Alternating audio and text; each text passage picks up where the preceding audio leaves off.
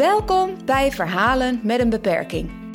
Een serie podcasts waarin we in gesprek gaan met ouders en verwanten. Wat betekent het om een kind te hebben met een beperking? En hoe is de relatie met je broer of zus als hij of zij een beperking heeft?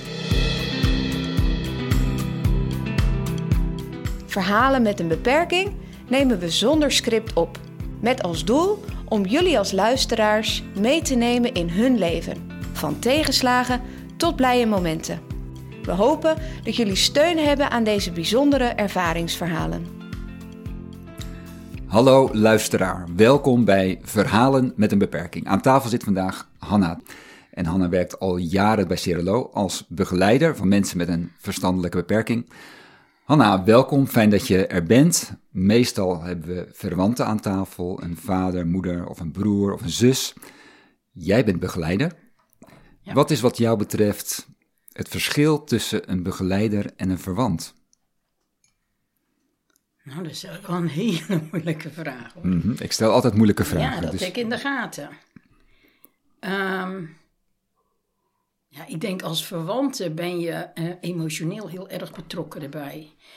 Ik ben wel emotioneel betrokken, maar niet zeg maar in die mate als een relatie eh, betrokken is. Hmm. Ik kan dingen wel van me afzetten, terwijl als er iets spannends gebeurt met een cliënt en de familie neemt het toch mee naar huis. Ik kan het afsluiten en ik ga gewoon naar mijn eigen vertrouwde omgeving en dan is het klaar. Het wil niet zeggen dat ik dat altijd zo ervaar, want ik neem Nee. heel veel dingen mee naar huis. Ja, Ja, ja. Wat neem je mee naar huis? Nou ja, ik, ehm, ik ben wel iemand die heel snel aan... Als ik het naar mijn zin heb, dan blijf ik hangen. Hè? Ik, ik heb ook altijd heel lang op een bepaalde plek gewerkt. Ja. En, maar gewoon omdat ik nog steeds uitdaging vind. En omdat het... Ja, ik vind mijn werk nog steeds leuk. Ik denk, daarom zit ik hier ook. Nog steeds op het terrein. Oh, nou, niet op het terrein, maar bij... Ja, op de Willem. Ja, Ja. want vind je het een kracht of een zwakte dat je dingen mee naar huis neemt? Ik- daar heb ik eigenlijk nooit over nagedacht. Nee. Nee, heb ik nooit over nagedacht. Sommige dingen kwamen wel ehm, weer terug toen ik thuis kwam. Want ik heb net, eh, net als een, een cliënt heb ik meegenomen om kleding te kopen. Nou praat ik wel over, nou wat is het, eh 30 jaar geleden of zo. En dan namen we de cliënten mee naar, het, eh, naar de stad. En had ik twee cliënten had ik mee. En eentje kreeg in mijn auto een hartstilstand. Dus ja, dan, oh, dan schrik je wel. Nou. Dus het, en het was bij mij allemaal onbekend terrein. Ja, Dus ik heb het eerst naar een politiebureau zitten zoeken. En dat zie je al gauw, weet je wel. Zo'n bordje met politie. Dus daar ben ik naartoe gegaan. Ik heb uitgelegd wat, wat ik in mijn auto had. En dat ik heel snel een ziekenhuis moest hebben. Dus toen zijn ze met me meegereden. Met de motor voor me uit. Ben ik naar het ziekenhuis in eh, Leidschendam ge- gereden. En dat was gelukkig niet zo ver bij het politiebureau vandaan. Maar ja, ik denk als je dan in je uppie zit wel hoog niveau gast hoor, dat moet ik wel eerlijk toegeven.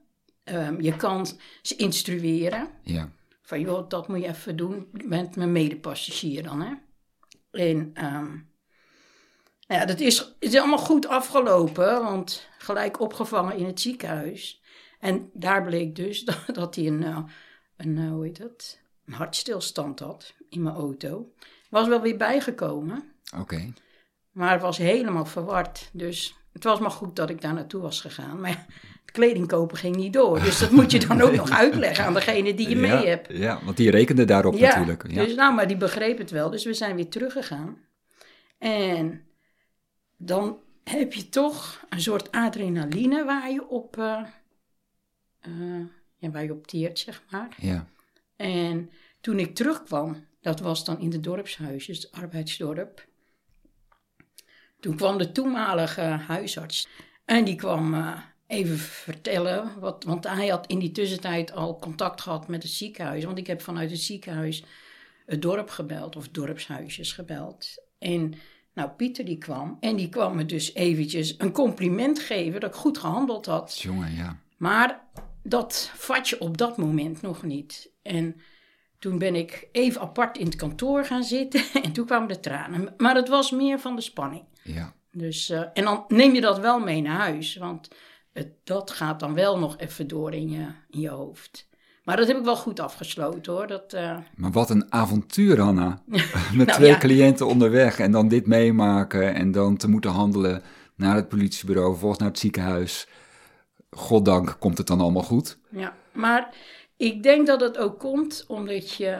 Ik heb eh, in verschillende paviljoenen heb ik gewerkt. Ja. En de dorpshuisjes, dat was allemaal hoog niveau, heel zelfstandig. En ja, je kan het je haast niet voorstellen, maar toen werkte je met 40 cliënten en dan draaide je alleen dienst. Ja, want neem ons even mee terug, want ik hoor je net al zeggen 30 jaar. eh, eh, naar welk jaar gaan we terug dat jij begon? Ik ben in 76 begonnen. En toen deed ik mijn opleiding. En dan moest je in je opleiding, die duurde dan drie jaar, moest je drie stages lopen. En dat waren dan in een pedagogisch paviljoen, in een verzorgend paviljoen en een verpleegpaviljoen. En ehm, daar kreeg je dus, eh, je moest dan handtekeningen, handtekeningen van je leidinggevende kreeg je dan. Net als in een verpleegpaviljoen kreeg je heel veel verplicht technische handelingen. Spuiten en dat soort dingen. En dat moest je drie keer gedaan hebben. Dat werd dat afgetekend in een groen boekje. Maar je had ook een wit boekje. En het wit boekje, daar ging je dus met je groene boekje mee naar het blokhoofd. En het blokhoofd tekende dus het, wit, of het, ja, het witte boekje af. En al die handtekeningen moest je hebben, wilde je zeg maar doorgaan naar het tweede jaar. Ja, ja. Dus voor het eerste jaar had je een aantal handtekeningen, Ja. het tweede en derde jaar. En zo door, doorliep je eigenlijk het hele proces. Ja, En naarmate je meer handtekeningen had verzameld, kreeg je meer verantwoordelijkheid. Nou ja, dan was je eerst, tweede of derde jaars. Ja, ja. Zoiets. Ja, ja, ja, Ja. ja, ja, ja. 1976, zo ben je begonnen. Zo ben ik begonnen. Ja. En eh, je vertelde net, ik heb vaak met hoog niveau cliënten gewerkt. Ja. En, en waar moeten we dan aan denken? Ehm, hoog niveau, eh, ja, zwak begaafd, licht, vers- nou, licht verstandelijk beperkt. Vroeger had je natuurlijk de idioten, de bielen en imbecielen. Zo noemden we dat, hè? Ja. Zo staat het ook in de oude archieven, ja. ja. Staat ook op mijn, eh, hoe heet dat? Mijn eh, diploma. Oh, ja. Dat je daarmee werkte. Ja, dat waren in feite Dat- de officiële eh, termen die gebruikt werden. Ja. ja. Maar je zegt licht verstandelijk beperkt. We, we hebben nu nog steeds een doelgroep waarvan we zeggen die, die zijn licht verstandelijk beperkt. Is, dan het, is dat hetzelfde met de cliënten waar jij destijds mee werkte of is dat weer verschillend? Nou, ik denk dat het toch wel anders was. Want wat je nu ziet is heel veel agressie met LVB-cliënten. En ehm, ja, toen was er ook wel agressie, maar jij stond volgens mij een soort op een voetstuk bij die cliënten. Want ik heb al die tijd heb ik nooit ehm, eh, agressie gehad, zeg maar, binnen. Terwijl je toch in je uppie stond. Ja. Maar als er iemand agressief werd, dan kwamen andere cliënten kwamen jou helpen. Op de een of andere manier. Hmm. Ik moet ook zeggen, ik ben ehm, eh, in het arbeidsdorp. Daar heb ik, dat, dat waren dus echt de, de hoogste niveau van de Willem van den Berg. Ja. En ehm, daar ben ik gaan werken. En ehm, wij gingen dan, ja, dat is dan weer een raar verhaal. Wij gingen dan altijd met het hele paviljoen tegelijk op vakantie. En dan ging je met vijf cliënten, twee begeleiders. Ging je dan op vakantie. Maar het hele paviljoen ging gelijk leeg. Want dan kwam er de schoonmaakdienst. Die kwam dan alle kamers en alle vloeren kwamen ze schoonmaken terwijl wij allemaal weg waren. Grote schoonmaak als Ja. jullie met vakantie waren. Die hadden dan een week de tijd en dan kwamen we terug. En ja, ik moet zeggen, ik ben, ik weet niet waardoor het kwam, maar ik moest heel vaak dat ik dan gelijk een avonddienst erachteraan moest draaien. Want iedereen kwam terug van vakantie. En ja, ik, ik heb het heel vaak meegemaakt dat ik dan die avonddienst draaide. En dan zeiden ze, die gasten, die zeiden om tien uur, Johanna, is al klaar hoor, ga maar naar huis. Dat zeiden de bewoners, zeiden dat tegen me. Ja. Maar dat was dan ook alles opruimen, waszakken, weg, we- wegwerken. Nou, Ja. daar hielpen ze allemaal in mee. Ja. Ja, het, ja, het is toch een ander, eh, een andere, hoe heet dat? Eh, groep mensen, denk ik. Als wat je nu met lichtverstandelijk hebt. Ja, ja, ja. Dus eh, misschien noem je het hetzelfde van, ik zat met hoog niveau, dus dat waren mensen met een lichtverstandelijke beperking, maar dat is nog niet per se hetzelfde als de mensen die we nu Nee. lichtverstandelijk beperkt noemen. Nee, ik heb ehm, met, in de, ook in de dorpshuisjes, daar was je, vroeger was je mentor van eh, een cliënt. En dan had je verschillende cliënten. Waar, in het begin was dat niet, maar dat kwam erin dat je verantwoordelijk was voor een bepaalde cliënt. En ik had dus, eh, ik zat op een mannengroep met oudere mannen. En daar was ik dus, van twee was ik daar mentor van. En eentje, nou ja, dat was echt mijn scheetje. Dat mag je nou niet zeggen, maar dat was toen wel. Hier mag je alles zeggen, Ja. Anna. En ehm, met moederdag kwam hij met een cadeautje. Gaf hij me een cadeautje. Het was een man van 67. En ik was nou 20, 21 jaar. En hij kwam met een cadeautje. Ik zeg, waarvoor is dat dan? Hij zegt, het is moederdag geweest. Ik zeg, maar ben jouw moeder toch niet? Ja, zegt hij wel een klein beetje. Ja, dan, dan smelt je gewoon. Ja. Dat is echt, dan smelt je. Nou, die periode met dat eh, hoog niveau, zeg maar. Mhm. Ja, dat vond ik fantastisch. Ja, dan ben je ineens toch een beetje verwant. Ja, eigenlijk wel, hè? Eigenlijk wel. In ieder geval in de beleving van deze wat oudere man. Ja, ja. Je had eh, zijn kleindochter kunnen zijn op dat moment, Jazeker. Maar ja, maar je was zijn moeder. ja, maar dit soort gasten, ik denk als je... Vroeger zeiden ze altijd, er lopen meer gekken buiten stichting als op stichting. En nee, maar dat is ook zo. Want deze man, die had in deze tijd gewoon naar een bejaardenhuis ge- gekund. Ja, Vroeger, als je maar een beetje raar was, kwam je op het terrein. ja, Dat was gewoon zo. ja. En tegenwoordig, nou. ik zie wel eens ooit mensen buiten de stichting. En dan denk ik van, nou, die, Die zouden het niet gek doen hier. Nee, nee, Nee. echt niet. Nee. En vind je dan het een verbetering ehm, dat mensen zoals die man waar je het net over hebt, die kwam hier wonen. Nu zeggen we, nou, die zou eigenlijk ook prima kunnen functioneren in een gewoon bejaardentehuis. Ja. Vind je dat dan een verbetering? Of zeg je van, nou, het was toch zo, zo gek nog niet hoe we het toen deden? Ehm, ja, volgens mij, vroeger wist je, ja, ik dan, dan, toen was ik nog ook heel erg bleu hoor. En eh, ik, ja, ik vond dat toen heel erg normaal. Ja, ja, Maar ik denk, als je dat nu bekijkt. Nou ja, dat. eh, ja, hoe moet ik dat zeggen? Het, het is. eh, ehm, ja, toch anders, vind ik. De oudere mensen in een bejaardenhuis. ja, Met hier oudere mensen. Ja. Mensen die nu nog op het terrein wonen. Oudere mensen. Ja, daar kan je echt zien, ja, die horen op het terrein. ja, Weet je wel? Tegenwoordig, nou, vroeger hoeft hij maar iets eh, verkeerds te Nou, niet iets verkeerds te doen, maar een afwijkend gedrag te hebben. ja, En dan kwam je al op een instelling terecht. ja, En dat is helemaal niet meer zo. nee. Want waar of wanneer ben jij dat bleuien kwijtgeraakt? Ik denk hoe ouder je wordt, denk ik. Want vroeger, ik, dat mag ik eigenlijk niet zeggen, maar vroeger Oh, dan word ik nieuwsgierig. Nou, dan vroeger keek je echt op hè, tegen, een, eh, tegen je paviljoenshoofd. Of Ja. je had een hoofd, subhoofd. En dan had je een groepsoudste. Dan heb ik het over de, het verpleegpaviljoen. Ja, ja, En dan had je een eh, groepshoofd. Nee, een, eh, je had het hoofd, het subhoofd. En dan had je zaaloudste. En daarna kwamen de derde... leer, de derdejaarsleerlingen, tweedejaarsleerlingen. Daar was dus dus het was een hele hiërarchie, zeg maar. ja, heel erg. Ja, Ja, en dat was heel erg ook in, het, eh, in een verpleegpaviljoen. En alles wat er gebeurde binnen het paviljoen, en als zeg maar het hoofd iets tegen jou zei, nou dan, eh, dan zei je ja, nee, dan nam je alles aan. Maar dat, sprak je niet tegen. Nee, maar dat heb ik niet meer hoor. Nee. Nee, dat heb ik niet meer. Ik, heb ook ik heb, hele leuke managers, dat moet ik ook eerlijk toegeven. Maar Dat is mooi. ja, nee, maar ze kunnen best wel dingen tegen me zeggen. En als ik het er niet eens ben, dan zeg ik dat ook. Vroeger durfde ik dat niet. Nee, nee. Dus in dat opzicht, ja, je bent dan wel gegroeid in het hele gebeuren. Ja. En ja, ik, ik, je zegt dan even al van, nou, maak mij de pis maar niet lauw. Dat idee heb ik dan. Ja, ja, ja, ja, ja. Maar dat komt dus door, als ik je goed begrijp, een stukje leeftijd, een stukje levenservaring. Je hebt eigenlijk alles al gezien, min of meer. Nou, dat wil ik niet zeggen. Want ik leer nog steeds hoor. Ik, leer, nog, ik leer nog steeds. Ja. Wat is een van de laatste dingen die je geleerd hebt?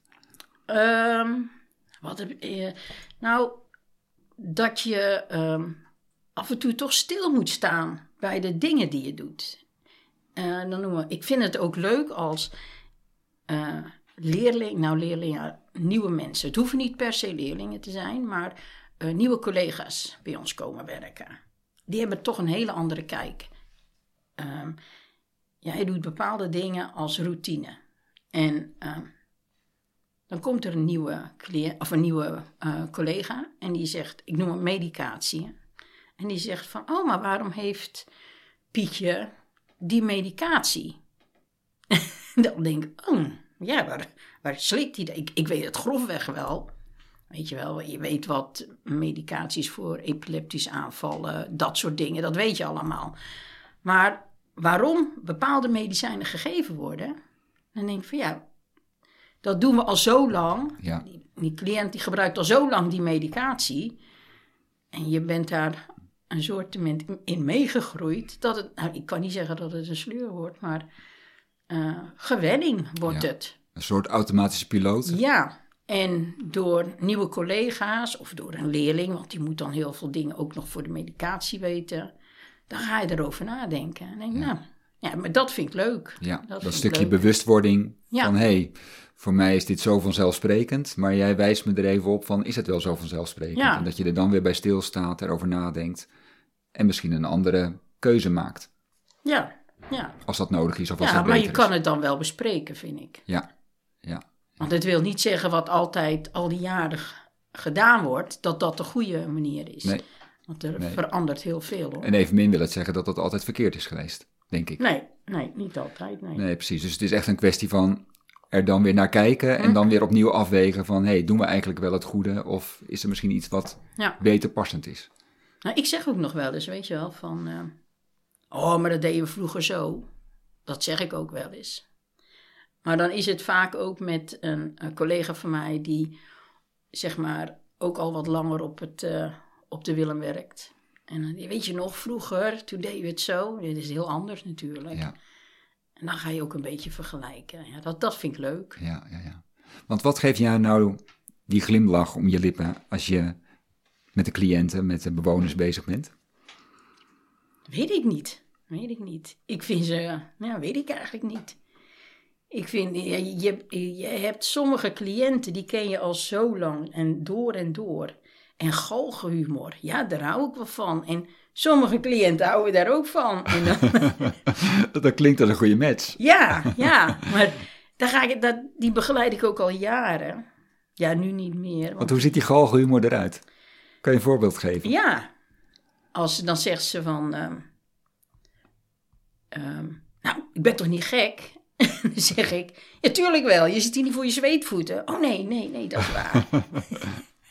Maar je moet wel weten tegen wie het zegt. Ja. En deze cliënt, die ken ik al zo lang. Ja, Maar die zegt ook altijd dat soort dingen tegen mij, weet Ja. je wel. ja. Nou, dan zegt ze van, eh, nou, je bent toch ook al oud? Ik zeg, eh, kijk uit hè, jij bent nog altijd ouder. Ja, maar dat speelse, op die speelse manier met elkaar omgaan, met, met die humor er doorheen, ja, dat, dat eh, is wat je belangrijk vindt, wat, wat Ja, het werk dat- ook leuk maakt. Ja, dat, hou, dat maakt mijn werk ook erg leuk. Ja, ja, ja. Dat ik dat nog steeds kan. Ja, ja. Want, want jij gaat, eh, je, je had net al over vakanties, eh, maar je bent ook wel individueel met cliënten op vakantie geweest, toch? Ja, Want, ja. want hoe, daar ben ik dan nieuwsgierig naar van hoe dat, eh, hoe dat in jouw leven en in, in, in jouw hoofd gaat, zeg maar. Tegenwoordig is er veel nadruk op privé en werk, hou dat ook wel gescheiden en hè, er moet allemaal niet te veel door elkaar heen lopen. Nou, dit klinkt best alsof het hier en daar best wel door elkaar heen loopt. Eh, hoe, hoe, is dat, hoe is dat voor jou? Ehm, Of loopt het helemaal niet door elkaar heen? Is dat alleen maar een veronderstelling van mij? nou ja, bij mij thuis, ehm, mijn privé zeg ja, maar, ja, die weten dat ik, ja, die weten niet anders zeg maar, dan dat ik dit werk altijd doe. En ik heb ook vroeger altijd mijn kinderen meegenomen als ik eh, zolang het toeliet, hè, de, de, de situatie. Maar die nam ik dus mee, of ze kwamen we hier halen. Die zijn daar een soortement in meegegroeid. Weet je, als er ook iemand eh, ehm, een beetje abnormaal gedrag uh, vertoont. En ehm, dan hun herkennen dat ook wel. Weet je wel, van oh man, zit die ook uh, op de Willem? Weet je wel. Maar het is, ik heb ze ook nooit, um, dat zie je dan als dat, dat die, uh, want tegenwoordig wonen ze lang thuis. En dat die gasten een soort gepest worden door hmm. leeftijdsgenootjes. En er was er eentje, die kwam altijd, die woonde bij mij in de buurt. En die kwam altijd bij mij thuis. En die kwam dan uh, mijn oudste zoon ophalen. En op het laatst is, ja, het was een meisje, maar op het laatst, ja, hij wil met zijn vrienden. En dan kwam zij weer. Ja. En dan zegt die mam, je moet maar zeggen dat ik er niet meer ben. Want die, wil, die wilde haar dan niet kwetsen. Ja. Maar hij vond het ook wel zielig, weet je wel. En, uh, maar omdat hij, denk ik, uh, voor dat meisje een soort bescherming was kwam zij hem altijd halen voordat ze echt buiten ging spelen. Ja. Ja, en dat, en dat is een beetje in mijn leven verweven, want hun weten niet anders als dat ik hier werk. Dus je kunt het eigenlijk ook niet, niet echt uit elkaar halen, want het is gewoon een deel van wie jij bent, van hoe jij leeft. Ja. En je kinderen hebben het eigenlijk met de paplepel ingegoten meegekregen, als het ware. Ja. Maar ik kan het wel gescheiden houden hoor, mijn, mijn privéleven. Maar net als, um, als uh, als cliënten aan mij vragen van Johan, uh, ik noem wat, ik wil even, ga je mee, want dan gaan we even kleren komen, kopen samen. Nou, dan zeg ik dat tegen bij mij thuis. Van jongens, ik kom niet thuis eten, want ik ga het even met die en die even kleren kopen. Nou, prima.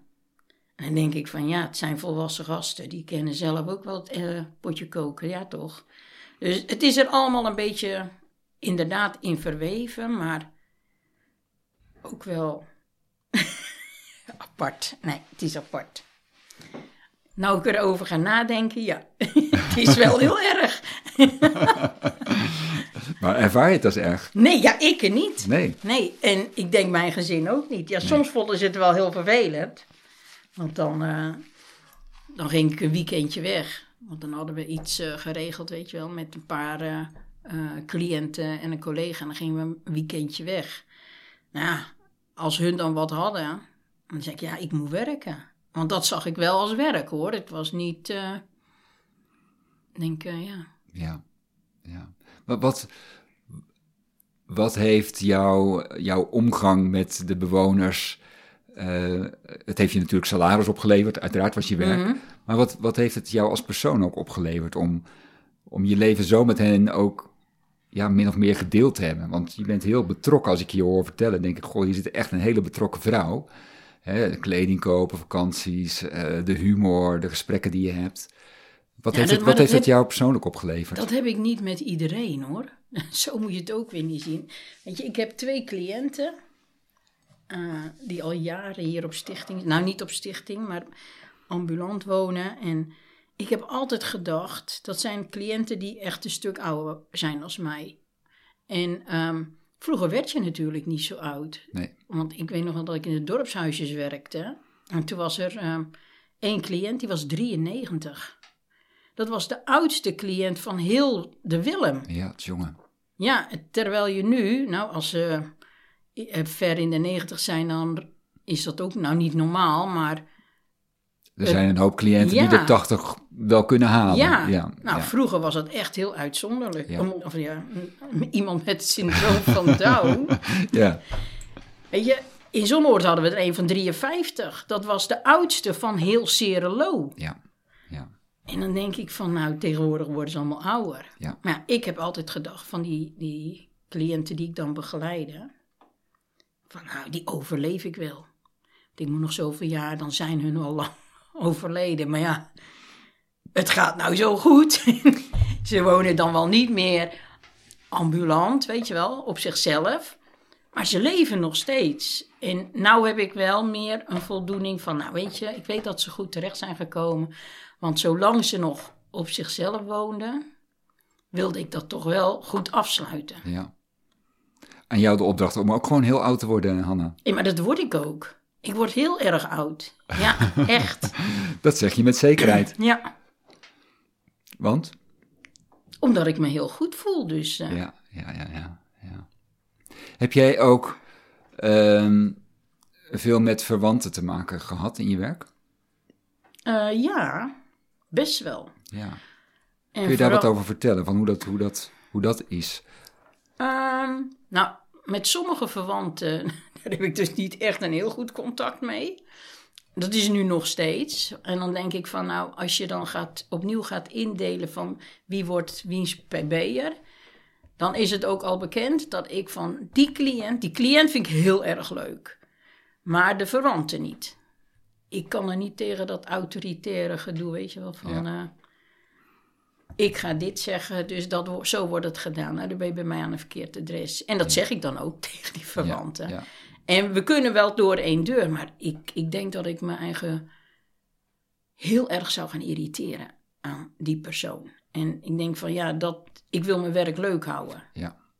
Dus dan wil je ook eerlijk zijn naar jezelf, dan kan je beter Ja. op voorhand. Nou, mijn collega's weten dat hoor. Oké.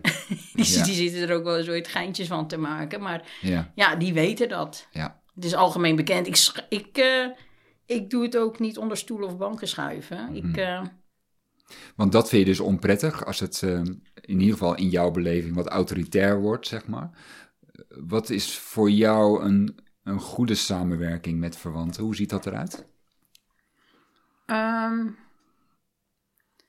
nou ja, ik, ehm, ik ben natuurlijk wel voor de cliënt bezig. En ik heb zelf, ehm, je hebt altijd het, beste met de cliënt voor. En soms dan lukt het niet. En dan is het wel heel prettig als je de naaste familie of zo, weet je wel, dat je die ook in kan schakelen om dingen voor elkaar te krijgen. Dat vind ik een hele goede samenwerking. Want eh, heel veel eh, ehm, relaties, zeg maar, van cliënten, die steunen er toch wel op, op jou als begeleiding, professionele begeleiding, zo noemen ze dat dan. Dat jij dingen oplost, maar soms kan dat ook niet. En dan is het wel fijn als je op één lijn zit met eh, de familie of ja, de relaties, die, eh, het netwerk van Ja. de cliënt. Ja. ja. Vind je dat je verschil maakt in het leven van, eh, Nou, van bewoners? Nee. nee. Ja, wel voor die twee vrouwen die ik dus al heel lang begeleid. Ja, ja. Dat wel. Want die hebben het er nu nog over. Want eentje daar mag ik bij betrokken blijven van mijn manager. Dus ja, dat vind ik heel erg leuk. Maar ja, zij, die heeft verder ook weinig. Die heeft eh, geen familie meer, weet je wel. En ze kijkt er ook iedere week naar uit als ik, de- als ik er ben. En eh, soms dan schaam ik me wel eens, want dan kom ik op plein 6 en dan staat ze een beetje zo te jubelen. Ik denk, oh jezus, mensen gaan daar ook naar kijken. En ik denk, oh. En Ja, zij is ja. heel groot en ik ben klein en dan houdt ze me zo vast en dan ben ik nergens. Dan ben ik- maar ja, dat, eh, dat vind ik dan wel leuk. Ja. Daar, daar haal ik mijn energie van. Ja, Ja. ja. Ja, Het is wel echt mensenwerk, hè? Mm, ja. ja, vind ik wel. Hmm. Ja. Wat mooi, Hanna. Ja, Ik wil je bedanken voor jouw ehm, eerlijke verhaal en jouw enthousiasme verhaal ja. en jouw humor. En de anekdotes die je uit je mouw schudt. Nou ja, het is wel van de hak op de tak. Het is van de hak op de tak en daar houden we van. Ja. Dus dat houden we ook zo. Ja, Eh, maar je hebt wel een mooi inkijkje gegeven in, ehm, nou, ook wel in jouw leven, omdat het ook zo nauw verweven is met elkaar. En wat het werk voor je betekent, wat de bewoners voor je betekenen. Ik weet niet of je liever het woord bewoners of cliënten gebruikt, of dat het je niet uitmaakt. nee, het maakt mij niet Het uit. maakt je niet uit. Nee, ik, maar, heb, ik heb wel een cliënt en die zegt van, nou, vroeger noemen ze onze bewoners cliënten. Dat zijn ook cliënten. Nee, noem maar gewoon bewoners. Maar dat, zijn, dat vind ik dan weer leuk. Hè? Ja, dan ja, ja. herken je dat weer van, eh, nou, van vroeger. Het was inderdaad ook zo. Je had het altijd over bewoners. ja, ja. Ja, ook de termen veranderen. hè. We Ja. zeiden het net al, eh, hoe vroeger eh, zelfs op je diploma dat stond. eh, De Ja. idioten, imbecielen, ja, dat zeggen we niet meer. Maar ook een woord als bewoners, wat een, eh, een heel vriendelijk woord is. Ja. Gebruiken we Wat, ook niet wat meer. dacht je in de loop der jaren hoe het terrein heeft? eh, al die namen die Oh, ze ja. hebben gehad. Ja. Mensen met een verstandelijk beperking. Ja, ja, ja, ja, ja, ja. Het was een hele mond vol altijd. Ja. En nou is het gewoon weer de Willem van den Berg. Gewoon de Willem Ja. van den Berg. Zo kennen we het. Ja. En ik weet nog wel dat dat toen pas eh, veranderde. En dan hoorde je dus die oude mensen, oudere mensen, die zeiden van ja, wat is dat nou? Het is gewoon stichting. en die hadden het ook altijd van, ik ga weer naar stichting. Ja, ja, ja. en ja. iedereen wist wat ze bedoelden hoor. Ja, Dus eh, ja. In de regio eh, was dat helemaal Ja. bekend. Ja, Ja. Nogmaals dank, Hanna, voor jouw eh, verhaal. Ehm, voor de mensen thuis, heb je vragen naar aanleiding van deze podcast of wil je graag in gesprek met iemand van geestelijke zorg? Mail dan met geestelijkezorg.cerelo.nl. Dank voor het luisteren.